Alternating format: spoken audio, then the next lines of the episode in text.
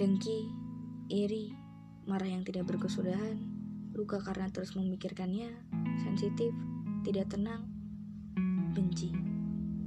Ya, tak menutupi bahwa semua rasa itu telah menggerogoti tubuh ini. Ego yang kamu miliki berperan penting atas apa yang terjadi terhadap hidupmu. Pandanganmu terhadap seseorang atau hal apa pun menjadi berkelok karena selalu melihat keburukan di dalamnya.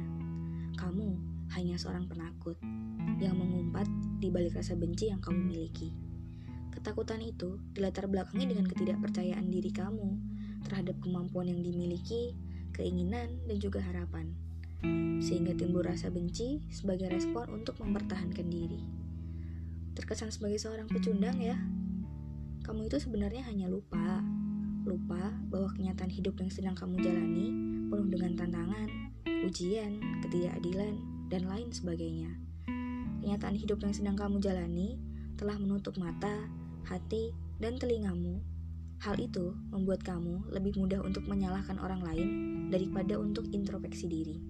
Padahal, pembenci hanya akan menambah luka, karena pada dasarnya Pembenci adalah orang yang tidak mampu melihat kekurangan yang ada pada dirinya dan orang yang tidak mampu memaafkan kesalahan orang lain. Kamu harus mampu berdamai, berdamai dengan luka batin dan rasa sakit yang telah kamu alami. Buka hatimu lebar-lebar, beri izin kepadanya untuk mendamaikan semua. Ajak dirimu untuk mengenal, untuk mengenal dan belajar memaafkan. Apa saja yang dimaafkan, semuanya. Memaafkan kesalahan kamu, memaafkan dosa-dosa kamu, dan memaafkan orang-orang yang telah menyakiti hatimu. Memang tidak mudah, karena memaafkan butuh perjuangan tanpa henti.